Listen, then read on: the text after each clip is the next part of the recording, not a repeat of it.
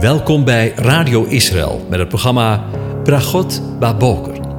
Een kort ochtendprogramma waarin een gedeelte uit de Bijbel wordt gelezen en besproken.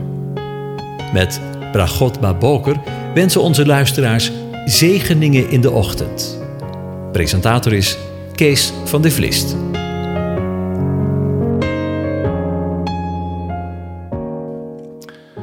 Goedemorgen, Bokatov, beste luisteraars. Vanmorgen gaan we weer verder met Psalm 130.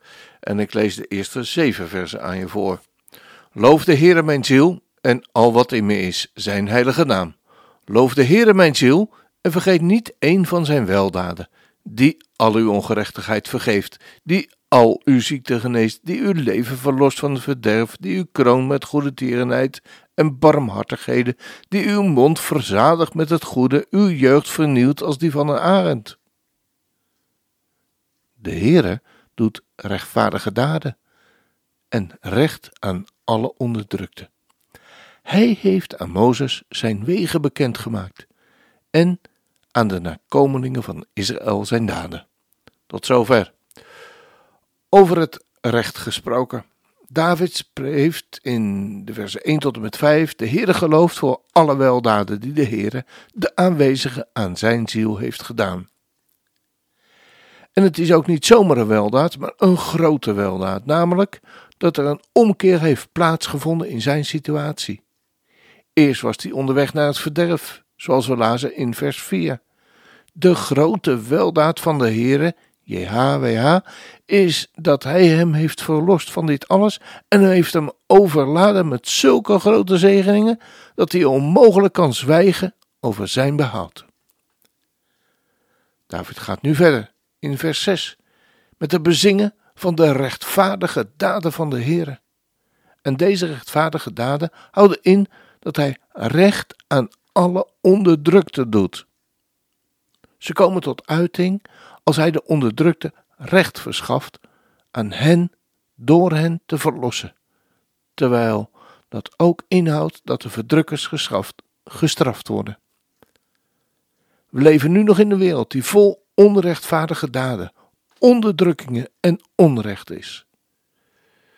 Dat komt niet van de Heere God hoor, maar van de mens die zonder hem leeft. Als de Heere regeert, als hij op zijn troon zit, zoals we lezen in Matthäus 25, vers 31, komt er een einde aan alle onrecht. Hij zal daaraan een einde maken door het doen van rechtvaardige daden. Dat zijn de rechtvaardige oordelen waarmee hij het onrecht zal straffen en verwijderen. Aan alle onderdrukte, om die ter wille van zijn naam onder het onrecht hebben geleden, zal hij recht doen. Hij zal hen binnenvoeren in de rust en zegen van zijn rijk. Over de hele wereld zijn meer dan 350 miljoen christenen die dagelijks vervolgd worden vanwege hun geloof in de Heer Jezus Christus. Verschrikkelijk. En er zijn er miljoenen mensen die onderdrukt worden door communistische en fascistische regimes, die, om nog maar niet te spreken, over de vele burgeroorlogen, waar de mensen verstoken zijn van de meest elementaire levensbehoeften. Dan hebben wij hier in het Westen nog niets te klagen. Alhoewel de onderdrukking ook hier voelbaar wordt door allerlei maatregelen van de overheid. Want wat moeten we anders denken van die verschrikkelijke misstanden die hebben plaatsgevonden rond de toeslagenaffaire? En waar gaan we heen met de zogenaamde 2G-beleid? En zullen ook wij in Nederland een vaccinatieplicht hebben, net als in Oostenrijk? Weet u, we leven anno 2021 in een vreemde en verwarrende tijd. Maar God heeft plannen voor de toekomst. Dat houdt twee dingen in. Ten eerste verlossing uit de hand van de vijand en ten tweede, vergeving van alle ongerechtigheden. Hij heeft de plannen voor de toekomst van zijn volk en de wegen waarlangs hij die zal realiseren aan Mozes bekendgemaakt. Dat is al een hele poos geleden, zoals we lezen in vers 7. Mozes is bij hem geweest om aan hem de tabernakel te laten zien. Daarin laat hij zijn plan zien en dat hij te midden van een verlost volk wil wonen. Aan de nakomelingen van Israël heeft hij zijn daden bekendgemaakt. Dat heeft hij gedaan door hen uit de slavernij van Egypte te verlossen en in het beloofde land te brengen. Het volk moest worden verlost uit een uiter, van een uiterlijke vijand, maar ook van hun ongerechtigheden. Pas daarna kon de Heer in hun midden wonen. En zo ook is het in de toekomst, in de nabije toekomst. Ik geloof het met heel mijn hart. Er is verlossing uit de hand van de goddelozen, zowel van de volken als van het eigen volk, maar vooral ook verlossing van onze ongerechtigheden. Als dat geen zegen is.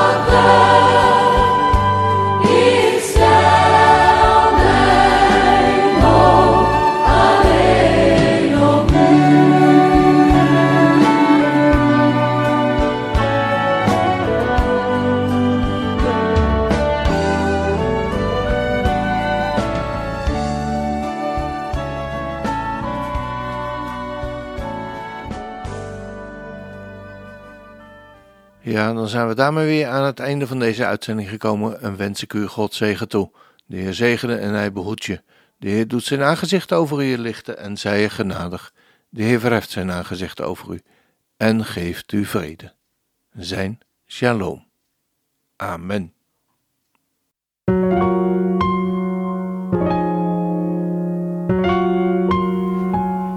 U hebt geluisterd naar het programma Bragot Baboker. Een kort ochtendprogramma waarin een gedeelte uit de Bijbel wordt gelezen en besproken. Wilt u het programma nog eens naluisteren, dan kan dat. Ga naar radioisrael.nl en klik onder het kopje radio op Uitzending gemist.